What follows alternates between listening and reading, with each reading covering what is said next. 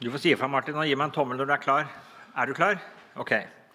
Da skal vi begynne å se litt på den kristne lekmannsbevegelsens eh, ja, organisasjoner. Eh, nå var 1800-tallet, særlig slutten av det, det var organisasjonstid. Det ble jo starta organisasjoner for mange ting. Eh, så det var en tid med organisering. Og det ble eh, arbeiderbevegelse, og det var ulike organisasjoner som så sitt lys i slutten av 1800-tallet, begynnelsen av 1900-tallet. Så, så, det er en del av en større, eh, et større fenomen. Eh, og Likevel så er det særegent at vi får altså alle disse kristne misjons- og vekkelsesorganisasjonene. Som en følge av vekkelsene i 1850-årene så får vi opprettelsen av de første indremisjonsforeningene. Det er Jonsson-vekkelsen, som på mange måter er opphavet til, til indremisjonsforeningene. Eh, den første indremisjonsforeningen i Norge ble stiftet i Skien i 1853. Og Da var det Gustav Adolf Lammers, denne vekkelsespresten, som da starter også den første eh, frimenigheten. Eh, i Norge. Ja. I Kristiania ble den første Indremisjonsforeningen stiftet i 1855 med Gisle Jonsson som den første formann. Eh, Lammers og Jonsson de sto i nær kontakt. Eh, Jonsson sørget nok over at Lammers gikk ut av kirken, og, sånn, men, men, de sto i en viss kontakt. Nå var jo det da kort etter at konventikkelplakaten var opphevet. Det skjedde i 1841. Og Johnson var jo ingen, eh, ingen tilhenger av lekmannsvirksomhet i og for seg. Eh, hvordan kunne han da være med og initiativtaker til å starte, starte Indremisjonsforening? Altså, altså forening og, og konventikler, kaller det utenfor Kirkens gudstjeneste. Han holdt jo selv bibelforedrag. ikke sant? Han holdt jo selv masse konventikler han, i Oslo. Eller Kristiania, som het Jo, det var den kirkelige nødstilstand. Det var på en måte argumentet. Prestene maktet ikke å rekke over alle de oppgaver som, eh, som ventet i det kristne arbeidet. Og Derfor måtte det ansvarsbevisste lekfolket være med og avhjelpe den åndelige nøden i folket. Det er nok også slik at det er en, eh, det er en viss påvirkning fra Hallet her med Weissenhus og liksom diakonalt arbeid. Og det var altfor store tiltak for prestene alene. Eh, denne måten å tenke på da, det er kalt for Gisle Jonssons nødsprinsipp.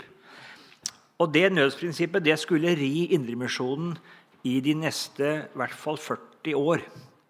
Eh, og det ble egentlig aldri fulgt. Eh, så si det. Eh, Jonsson eh, liksom pukket på det, men lekfolket som var med, de brydde seg ikke noe om det. Det er, det er, realiteten.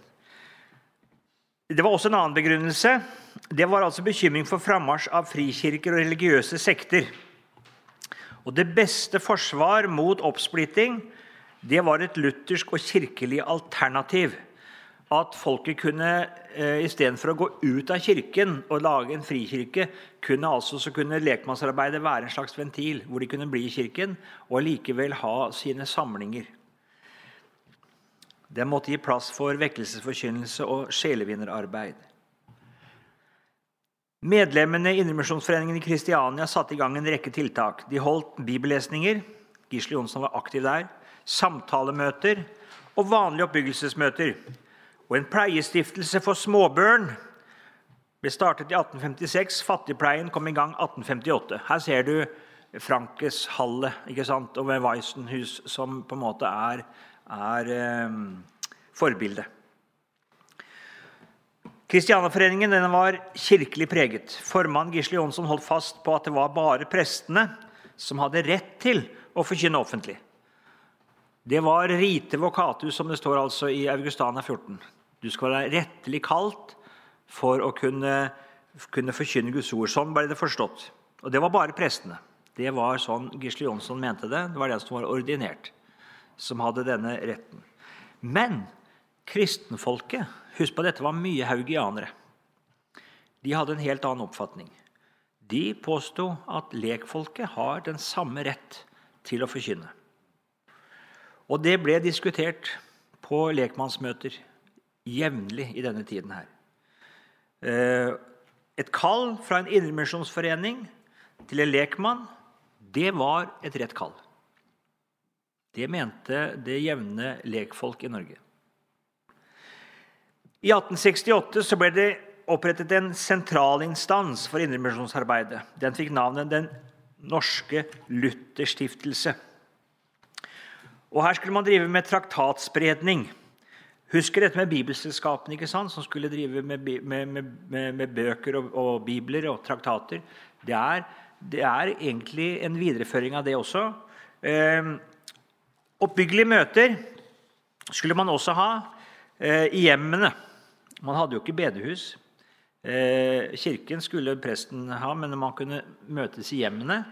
Eh, for å holde husandakt.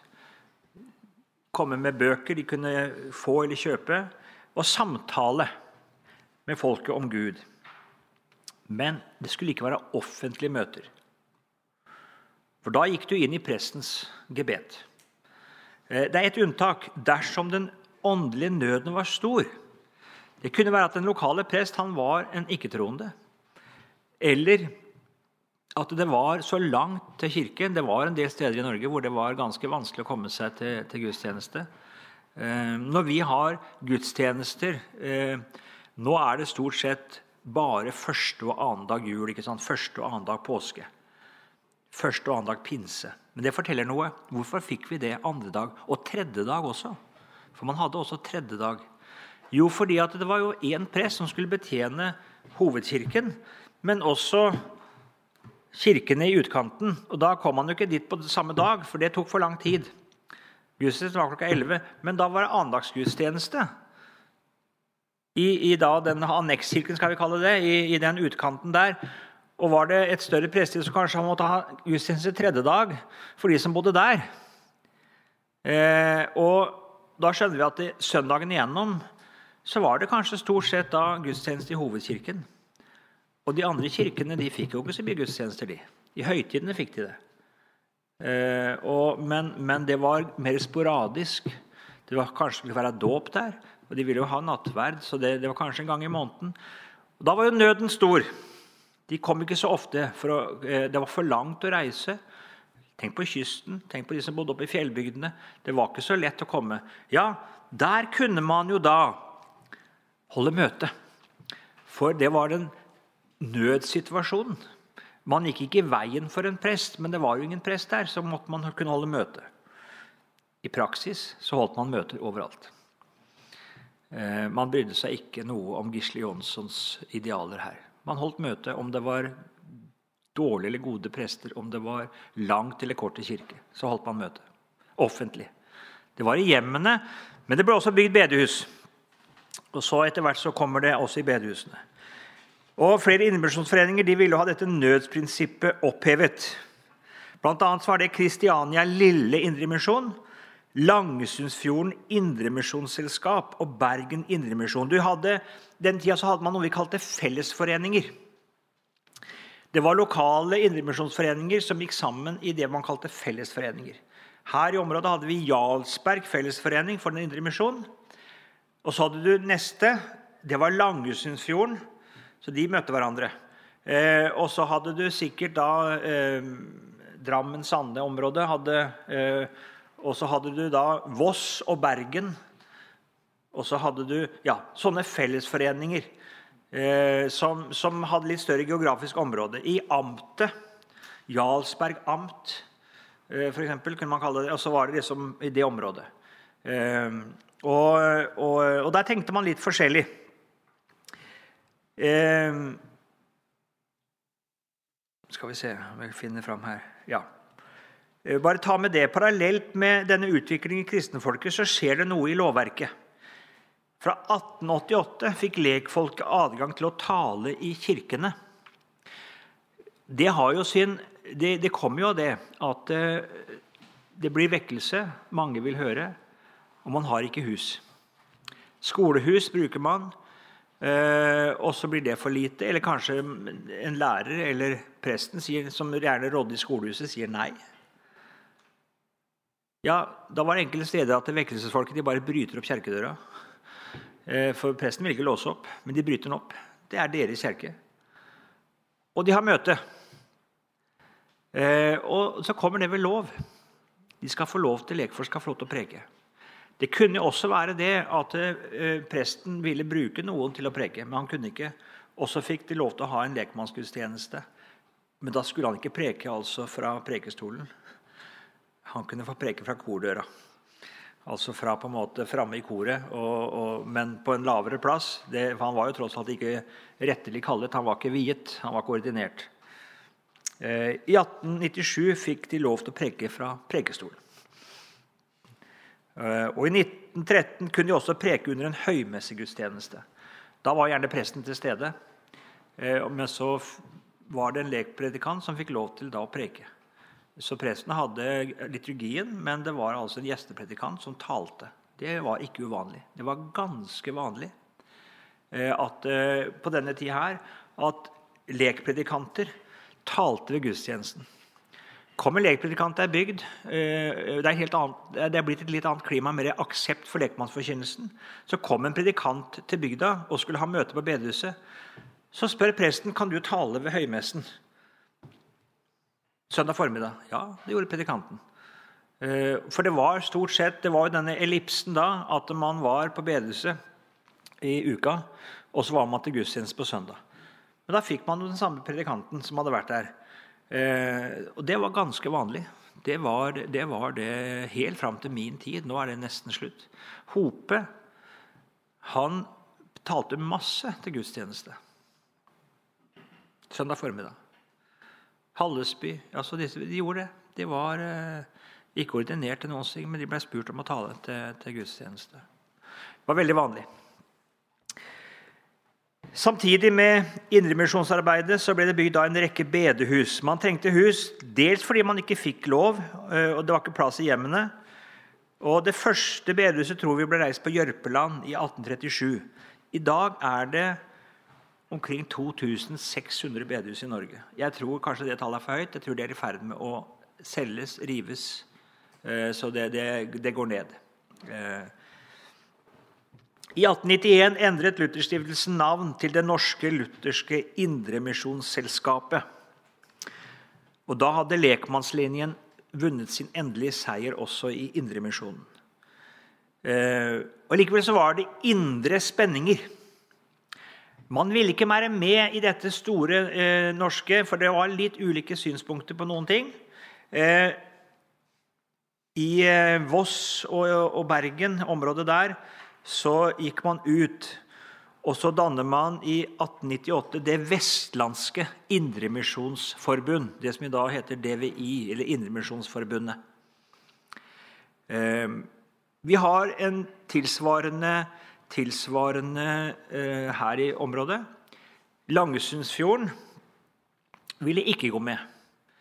Eh, så vi hadde, vi hadde Langesundsfjordens Indremisjonsselskap. Eksisterte lenge. Jeg husker I min oppvist hadde de en predikant som heter Tor Sneltvedt. Hvis jeg kjenner til John Hardang, så har han sin bakgrunn fra Langesundsfjorden. Eh, Indremisjon. Eh, det var altså en selvstendig indremisjonsselskap men det sto ganske tett, mye tettere enn en eh, vestlandske, til Indremisjon i eh. Men hadde også kontakter mot vestlandske. Det var liksom en sånn mellomposisjon. Nå har det opphørt som, så langt jeg vet, som eget. Og er vel i praksis gått inn i det som nå heter Nordmisjon, altså det gamle Indremisjon. Her i Vestfold så fikk vi splittelse. Jarlsberg fellesforening for Indremisjon ville ikke gå inn men mange som tilhørte den, ville gå inn. I Sandefjord så delte flokken seg i to, og det ble bygd et nytt bedehus for de som ville være med i Lands Indremisjon. Det er det som kalles Indremisjonshus i Sandefjord. Mens det gamle bedehuset, som nå er solgt, det hørte da til de som ble værende i en selvstendig Jarlsberg fellesforening for Indremisjon. Og Den har vært en haugiansk bevegelse. Og Det kan nok ha vært dette mer haugianske preget som gjorde at man ikke ville gå inn i, i Landsmisjonen som var mer roseniansk preget. Det kan være andre årsaker også. Eh, perioden 1850 til 1900 er en stor ekspansjonsperiode for norsk misjon. Og det er en rekke nye misjonsorganisasjoner som ser dagens lys. En av de aller første det er altså da Den norske Israelsmisjon. Vi nevnte jo Misjonsselskapet i går. Og det er den første. Så det ser dagens lys først. Men så kommer Den norske Israelsmisjon to år etterpå. Det er jo litt underlig. Den norske grunnloven av 1814 sa at jøder har ikke adgang til riket. Eh, og det var faktisk et par ganske ivrige haugianere som var av de fremste talsmenn for jødeparagrafen. Eh, blant haugianerne, og jeg tror vi kan si det, den norske bonde har aldri vært jødevenn. Når vi har Bondepartiet ikke sant, med Quisling under krigen det har vært et, det, er, det er, Vi har ganske, hatt ganske brune tradisjoner for å si det sånn, hos den norske bonde. Og haugianerne. Eh, det har ikke vært jødevennlig eh, utgangspunktet der. Eh, forordningen altså om åtte jødene ble opphevet i 1851. Og det er ikke minst Henrik Wergeland som, som eh, kjempet for opphevelsen av jødeparagrafen. Men allerede i 1844 så var Israelsmisjonen stiftet. Og Det var mange av de samme personene som sto bak begge organisasjonene. Og Statuttene til Israelsmisjonen slo fast at den hadde to formål. Den skulle vekke kristnes kjærlighet til Israel, og den skulle fremme kristendommen blant det jødiske folk. Israel ikke som land, det skjønner vi. ikke sant? Det eksisterer jo ikke.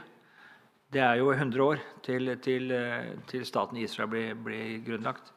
Men vi skjønner altså det er altså til det jødiske folk, kjærlighet til det jødiske folk. Eh, og da eh, fremme kristendommen blant jødiske folk. For jøde først, og så for greker.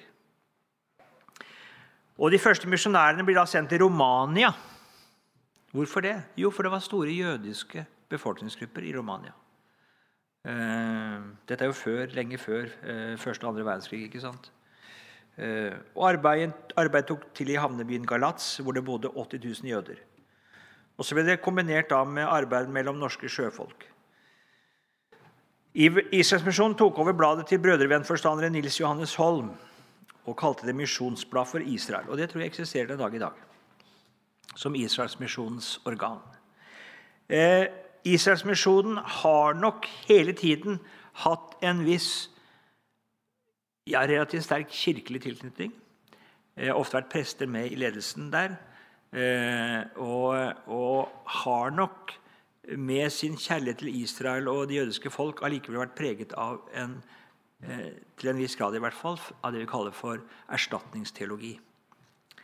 Eh, det har ikke vært en eh, eh, man har nok sett det slik at, eh, at det er eh, Kirken har overtatt Israels plass. Det har nok vært en, fall, til stor del en del av synspunktet blant Israels misjon. Den norske Santalmisjon den har en underlig historie. Eh, det har jo mye med Lars Olsens krefter å gjøre. Han hadde en ganske turbulent ungdomstid med fyll og masse lovbrudd, og blir arrestert i 1858 som 18-åring og dømt til fengsel. Fire år for tre grove og seks simple tyverier. Jeg tror ikke han hadde fått så lang fengselsstraff i år, altså i dag. Det var relativt lang fengselsstraff i forhold til Det var grove tyverier. Jeg tror ikke vi ville ansett det for grove, men allikevel for fire år. Eh, opphold i fengselet det blir et vendepunkt. Jeg mener at det var noen som besøkte han der. Så ble han altså ei, jente som besøkte han, hvis jeg ikke husker feil, og som deler Guds ord med han, og han blir omvendt. Og radikalt omvendt. Og Så leser han om den svenske husmannsgutten Peter Fjellstedt som ble misjonær. og Det vakte misjonærkallet i han. Og Han ville da inn på misjonsskolen i Stavanger, det som nå heter Misjonshøgskolen. Men de ville ikke ta imot en som hadde vært sittet inne i fire år for, for tyveri. Fortida hans diskvalifiserte han. Han ga ikke opp, han reiste til Tyskland. Der kom han i kontakt med Hans Petter Børresen.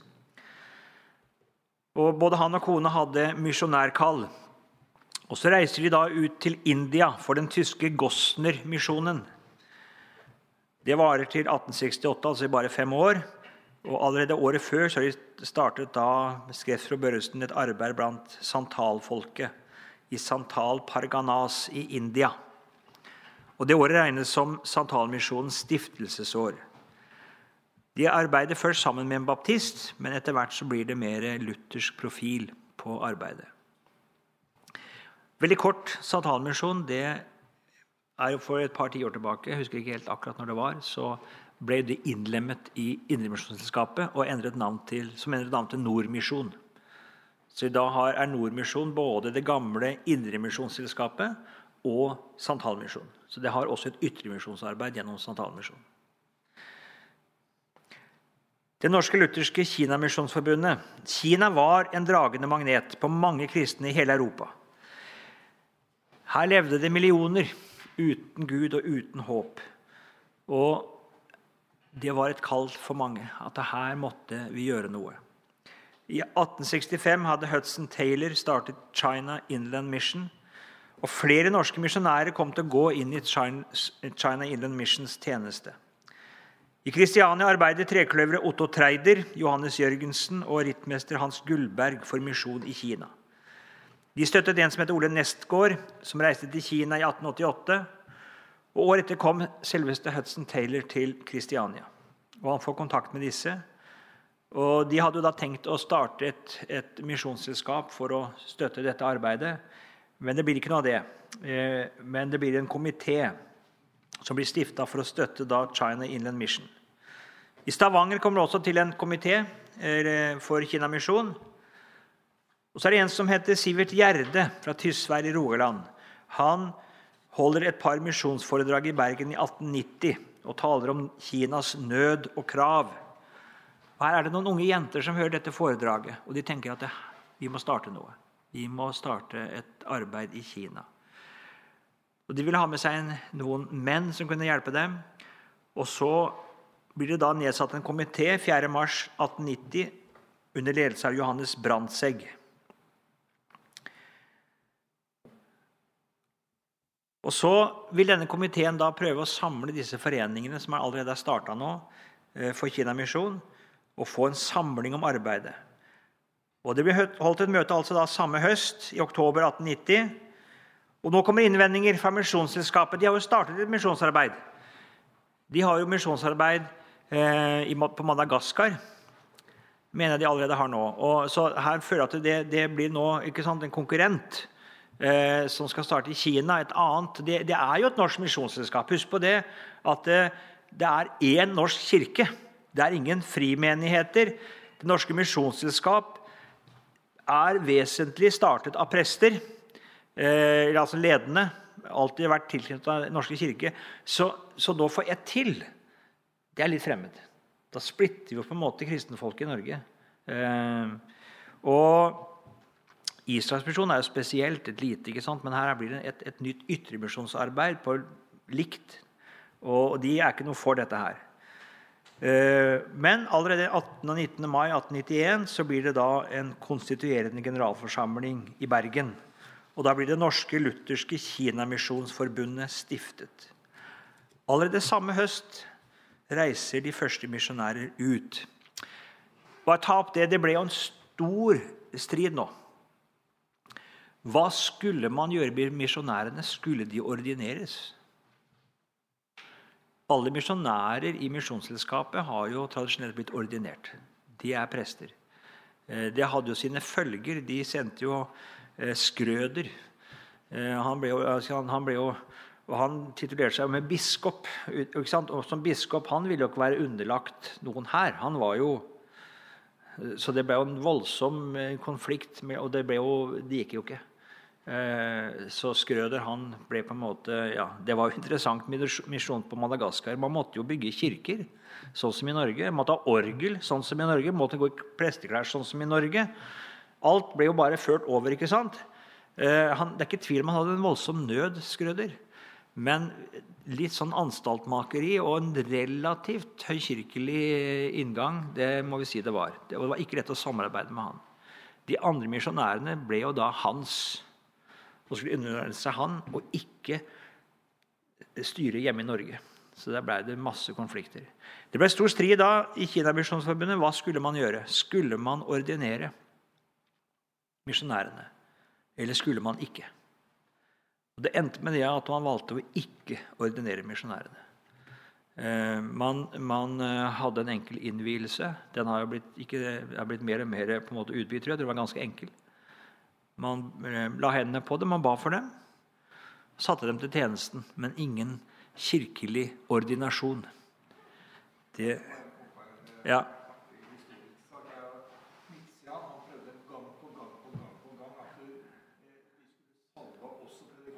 Ja. Det, vært, det, var i min tid som forkynner i Misjonssambandet så var det snakk om at vi skulle vært, eh, blitt, blitt, innviet ved håndsbeleggelse og bønn. Så ja, jeg hadde mine tanker om det. Skal ikke komme inn på det. Men ja.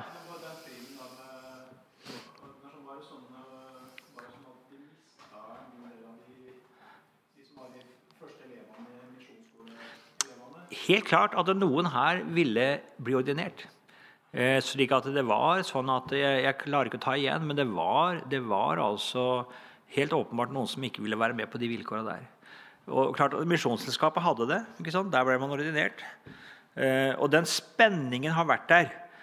Det har vært en spenning Fra Kinamisjonens start så var det en spenning mellom Misjonsselskapet og Kinamisjonen. Og den har vært eh, tydelig. Eh, selv om man kunne på en måte ja, jeg tror vi må si at den har vært ganske tydelig. Her har det vært ulikheter i, i eh, både i ehm, ståsted Misjonsselskapet Den har hele tiden nok vært en uh, mer preget av en til dels av en mer haugiansk eh, tradisjon også. og mens Kinamisjonen var roseniansk, tydeligere roseniansk fra starten av.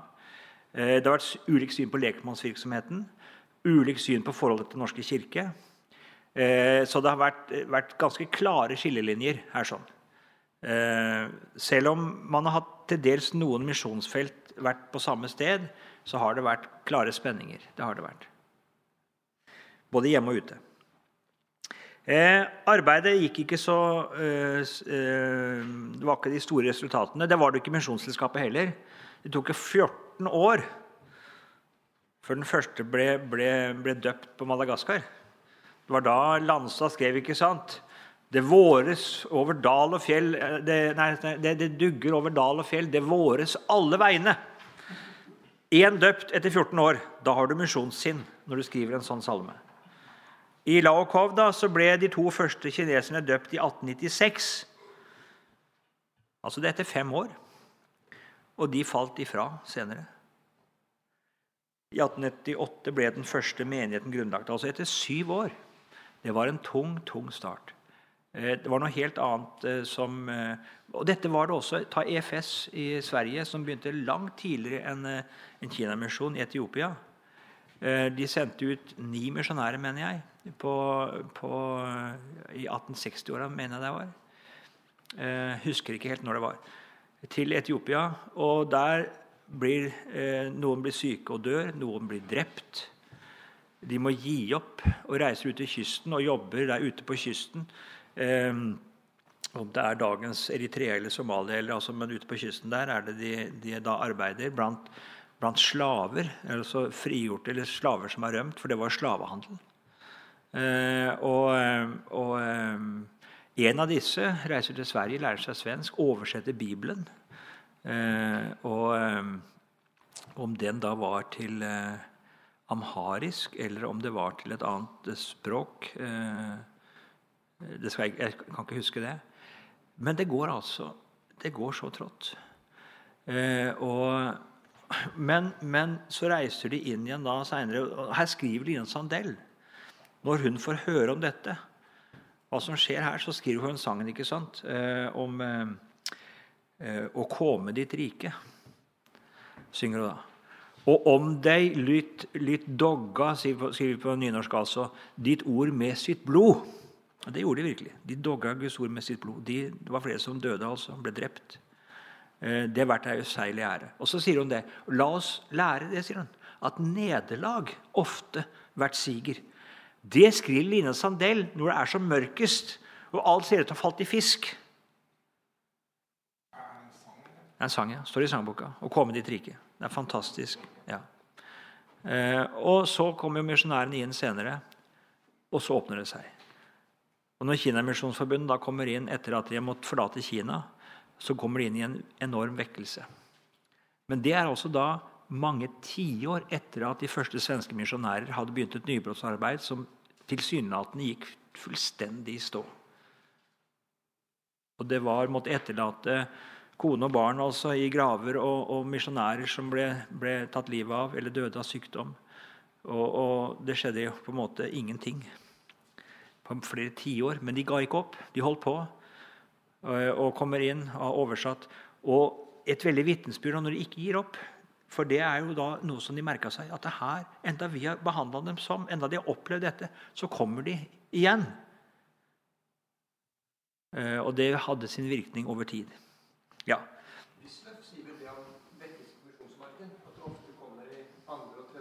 Ja. Og Det var nok sånn i Kina òg. Det, det var veldig tung mark til å begynne med. Og, og vekkelsene de kommer altså, De store vekkelsene kommer altså langt ut på 1900-tallet. Det er da man opplever de store vekkelsene i Kina. Ja. Vi skal da se litt videre på, på, eh, på eh, andre bevegelser. Vi skal se på Den evangelisk-lutherske frikirke. Eh, det er stor diskusjon fra 1850 utover i, i det norske vekkelsesfolk, eh, blant prestene også, om tilrådigheten av å stå i statskirken. Det er mange som tenker på det å gå ut og danne frikirker. Eh, statskirken den står i lavkurs. De, blant prestene, ikke mye lekfolket, men blant prestene er det en del som leser Eh, Søren Kirkegård og hans ramsalte kirkekritikk, eller kritikk av kristendommens stilling, den får mange til å tenke i frikirkelig, frikirkelig retning. Eh, det, det er i grunnen ikke eh, Kirkegårds intensjon å tale, mot, som, å, å tale til frikirkedannelse. Han overhodet nevner ikke det der i det hele tatt. Jeg har lest alle hans bøker. han er ikke inne på det hele tatt. Men det er sånn det blir tatt imot. At det er ikke tilrådelig å stå i statskirken. Eh, samtidig så er det slik at når vekkelsene bytter løs, så er mange av prestene ganske avvisende. Eh, de har ingen syn for lekmannsvirksomheten. De syns den er, eh, ja, de, den er ødeleggende. Den, den på en måte bryter deres autoritet. Og de er jo ikke helt trygge på at den er helt, helt sunn. Det kunne nok være at noen av predikantene ikke hadde like mye kunnskap. Det kunne være forskjellige ting som var berettiget men likevel så er det slik at det åndelige liv bryter fram likevel gjennom disse, disse vekkelsene. Samtidig så er det slik at prestene hadde som statsembetsmenn plikt til å vie fraskilte. Og det var ikke alle prestene som var fortrolige med. Det var mange som ikke var det. De hadde plikt til å gjøre det. Staten. Og og så var det en vanealter gang. Folk gikk til alters. Og der var det jo da en tilsigelse av syndenes forlatelse i forbindelse med, med et sånt eh, felles skriftemål. Det var vanlig da at man hadde et slags felles skriftemål. Eh, jeg har vært med på sånne gudstjenester. På, på skjærtorsdag har det vært vanlig å beholde det. At man hadde da eh, en skriftemålsgudstjeneste. Og Da er det en, en litt lengre synsbekjennelse, men det er felles. Det er ikke sånn enkelt skriftemål, men man bare ber om altså det er lengre, en lengre synsbekjennelse med flere element. Og så avsluttes det da med en felles tilsigelse av syndenes forlatelse. Til alle som da skal gå til nattverd. Og Det var da eh, eh vanlig, og det var det da ikke alle prester som var med på. At De syntes ikke dette var heldig. At man tilsa syndenes forlatelse til alle. Selv om man visste at det her var mange som levde i synd, og som ikke levde i, i sant liv med Gud.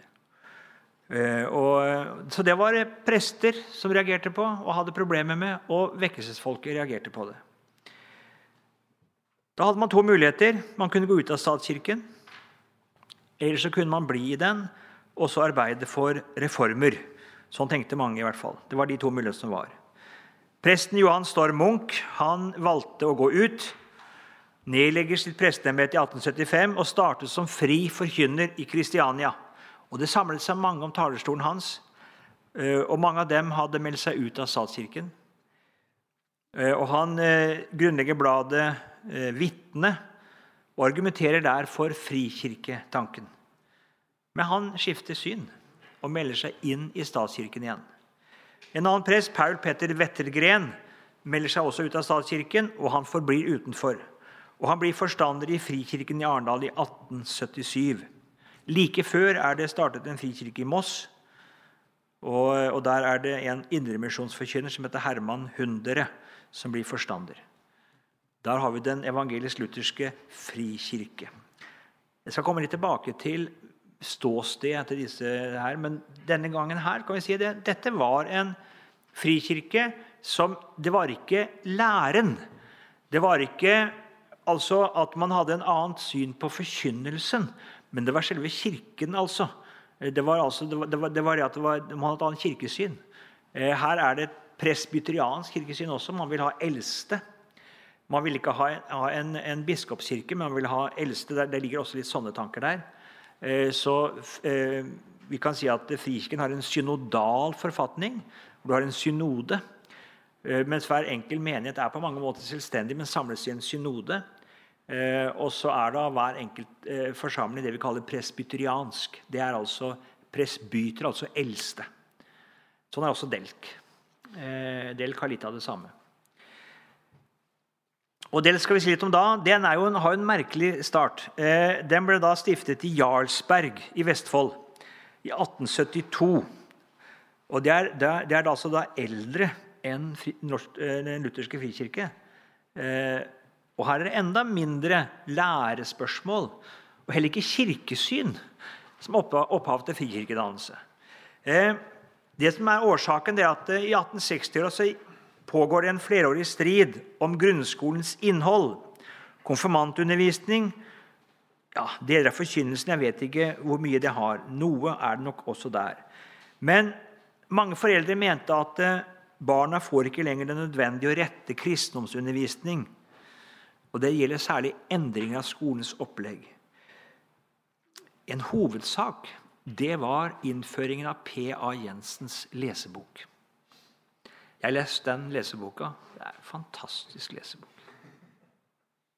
Ja, den er jeg, jeg, Altså, jeg, jeg har vært glad når jeg reiser rundt og preker, så kikker jeg i bokhyllene hos folk. Og gamle leseboker fra Norsk folkeskole. det koser jeg meg med. Der står det så mange flotte eh, historier og noveller fra norske skjønnlitterære forfattere fra denne tida. Sånn. Eh, fantastisk, altså.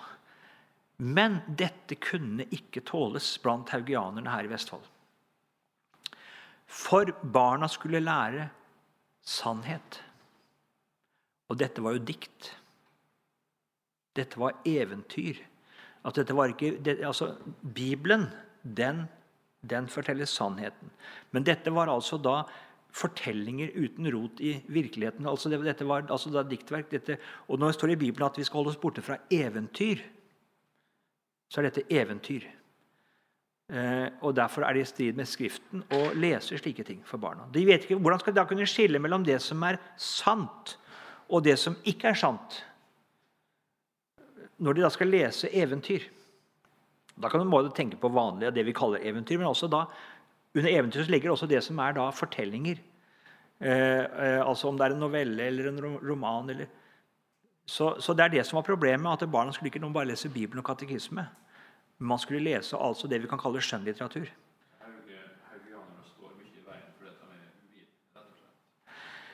Ja, det er jo, jeg vil jo si at det er en viss uvitenhet. Altså, når vi startet, bare ta det, når vi startet nå, eh, Noen av oss var med å starte Kongshaugen. Så skrev vi om norskfaget der. Og da får vi jo et brev. At en, en familie som ikke kan sende barna med denne, det har vært bakgrunn i Delk, eh, fordi vi kommer til å lære barna eventyr. Og Så sier jeg at ja, det skal vi gjøre. Det skal vi gjøre. Eh, og, og, det gjør vi med velbrådd hu. Eh, eventyr, eh, Mange eventyr er jo fantastisk sanne. Det er bare sanne på en jeg si, her vil jeg si, her er sanne på en annen måte. Den stygge andungen, ta det. H.C. Andersen 'Stygge andungen'. Hva er den stygge andungen? Jo, kan, du kan gjerne si at det er en kristen som ikke blir aktet i denne verden. Blir hunsa og hakka på, for han er ikke som de andre. Og Så ser du han etter vinteren, etter døden, så er han en hvit svane. Han er i sitt rette element sammen med de andre. Det er bildet på den troende. Nå, etter døden, så er han i sitt rette element. Nå er han hjemme. Nå er han blant sine. Nå opplever han herlighet og glede. ikke sant? H.C. Andersen var en kristen. og Mange av hans eventyr er kristendom i eventyrsform. Les fra hans salmer. Det er, det er, så tydelig at han søker å skrive rett og slett eh, eh, kristendom på, på eventyrsform. Eh, ja, ja. Så, så har du eh, en annen som jeg liker. Det er, det er altså det er, eh, det er, grisen som klager på levemåten sin. Det er hørt, eller, et kort eventyr. Nei, det er, Bjørn, det, det er, det er Asbjørnsen og Moe. Ja. Grisen han eh, er ikke noe fornøyd med å ligge i, i, sant, i søle og, og, og, spise bare skjuler og rask. Syns det er for dårlig mat og for dårlig eh, liv. Så han går til tings for å få dom for en bedre levemåte. Når han kommer til tinget, så slår de opp i bøker står det, og leser i bøkene. Ja, han får dom. Han skal ligge i silkeseng og så skal han spise jeg husker ikke hva det var, ikke erter og flesk, hvert fall, men det er noe annet han skal spise, som er av en helt annen kvalitet. Så går han hjemover, og så går reven opp i lia og sier skjuler og rask og ligge i boss. Han går og nynner på det. ikke sant? Silk, ligge silkeseng ikke sant, til den skal spise. Og så går reven skjuler rask og ligger i bås. Når han kommer hjem, da, og så spør de hva han har fått dom Jo, han har fått dom for en ny levemåte. Ja, hva er det? Ja, Det er skjuler og rask å ligge i bås. Hva er poenget med eventyret her? Jo, du og jeg vi har fått dom for en annen levemåte. Fått et nytt liv. Vi har fått det i bøkene, i Skriften. Vi er frelst ifra livet i synden. ikke sant? Frelst ifra den grisematen. Tenk på den bortkomne sønnen. Nå skal vi altså ha et helt annet liv. Men den onde, han er der og sier at du er bare en synder. Du, er bare, du kan ikke annet. Du er liksom Og snart så er vi tilbake i det gamle livet. Hvis ikke vi holder fast, står fast i den frelse vi er vunnet til. altså. Alle eventyrene som handler om kristenmannsbo. ikke sant? Taler om, om, om troll ikke sant? som sprekker for lyset.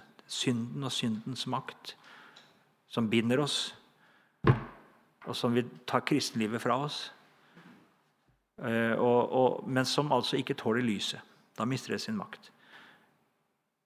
Så, men, men, dette her var utålelig tilbake. Nå er vi tilbake. Det var en litt sånn, liten sånn parentes. Uh, men, men, dette var utålelig, og derfor går man ut. For man kunne jo ikke da Eh, men det begynner altså med at man starter egne skoler. I 1866 melder 76 foreldrepar i Ramnes det må ha vært nesten alle eh, seg ut altså av den offentlige skolen. Det er jo bare noen kilometer herifra. Og så begynner de å drive egne skoler. Og Innen kort tid ble det startet tilsvarende privat skoledrift i nabobygdene Våle, Botne, Andebu, Stokke og Sandar, altså Sandefjord. Etter hvert kom det da skoler senere i Oslo, Horten, Tønsberg, Porsgrunn, Skien og flere andre steder. Eh, det som det da viste seg Ja, jeg kommer tilbake til det. Men, men det har jo vært Delks hovedsak. Det har vært å drive skoler, faktisk. Eh, de hadde ikke tenkt å lage eget kirkesamfunn. Nei. De ble egne skoler. Men det fikk de ikke lov til så lenge de var medlem av statskirken. Hvem var som har oppsyn med skolene? Det er presten. Presten var skolestyrets formann. Eh, så drev skoler uavhengig av Det gikk ikke, det. Det var ikke mulig, det. Da måtte man være et eget kirkesamfunn. Da kunne man drive egne skoler. Og Derfor var det slik altså at man måtte danne et kirkesamfunn. Man måtte danne frikirke for å kunne lov til å drive egne skoler. For ellers var skolen altså kirkens ansvar. Det var under, under, under prestens tilsyn. ja. Men da hadde de også lekeprester? hadde de ikke det? For de hadde ingen som var utdanna Nei, nei, de hadde ingen utdanna. Eh, de, da, de, har ikke tenkt å lage kirkesamfunn, de har ikke tenkt det. Men da må de jo det. Og da gjør de jo det at de jo da kaller Og det var jo valg. Lodd, eh, ikke loddja, det kan man til og med ha, men det var altså valg. Hvor man valgte da noen i sin midte til å være prest. Og det har man holdt til fram til i dag. Man velger prest i Delk. Man har gjerne noen kandidater som blir spurt, og så er det rett og slett, slett et, et, en stemmeavgivning. Eh, og Det er ikke bare lokalmenigheten, men det er også da andre rundt de andre forsamlingene da, som også er med og stemmer eh, på det. Eh, de henta støtte og hjelp hos en som heter Elling Eilsen fra Voss. Han var da stifter av den første norske evangelisk-lutherske frikirke i Amerika. Det var en ganske markant personlighet. Jeg leste i sommer den historien til Den norsk-lutherske kirke i Amerika så var han en ganske stridbar. Og det var eh, Eilesens synode. Den var ikke den som fikk mest oppslutning. Det, det var mye strid eh, og mye splid. Og det var nok også eh, de Når jeg leser den historien fra Amerika, så blir det sagt der at eh, de, grunnregler han laget der, de holdt ikke mål hos mange av de som var litt mer bevisste. Men Eilsen var sta. Han ville ikke endre på det. Eh, og, og, men de så store svakheter. Eh, men det var disse, det var disse statuttene som, eh, som, man brukte da i Delk. De er også endret med tida. altså.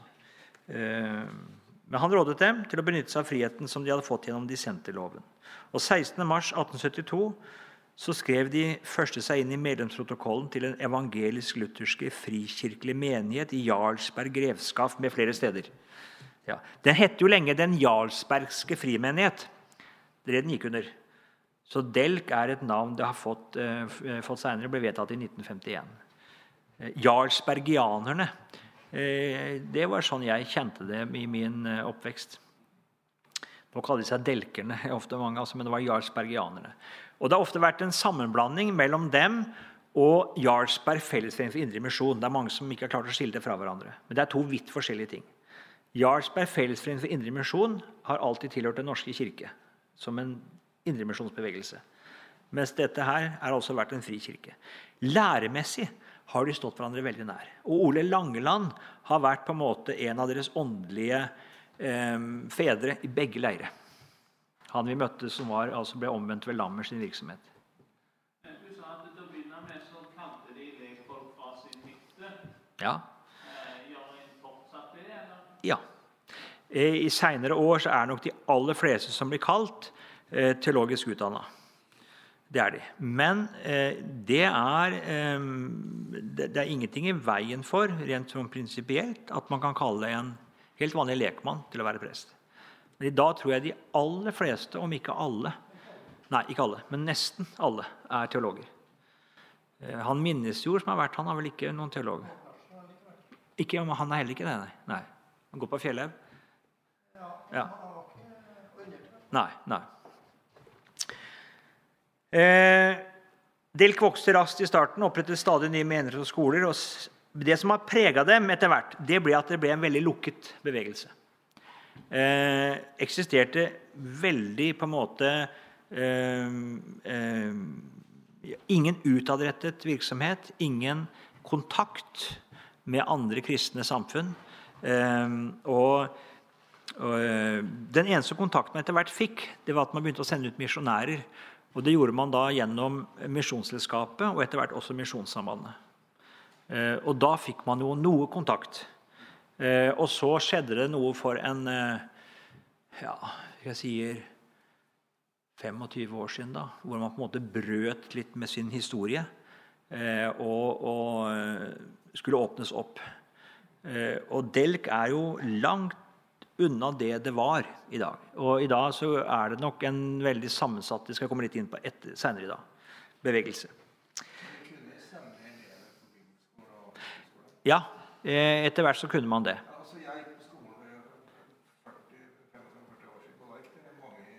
Ja. Og, det, og, men det var nok noe som begynte da. Eh, og så var det mange av disse vel som på en måte da begynte å ta oppgjør med fortida. Ja. Det er da lutherske samfunn. Vi skal se litt på andre. Eh, metodistene. Eh, den første Eh, metodistmenighet ble stifta i Nei, vi venter med det. Jeg tror vi lar det vente. Vi tar pause nå. Og så, og så fortsetter vi med det.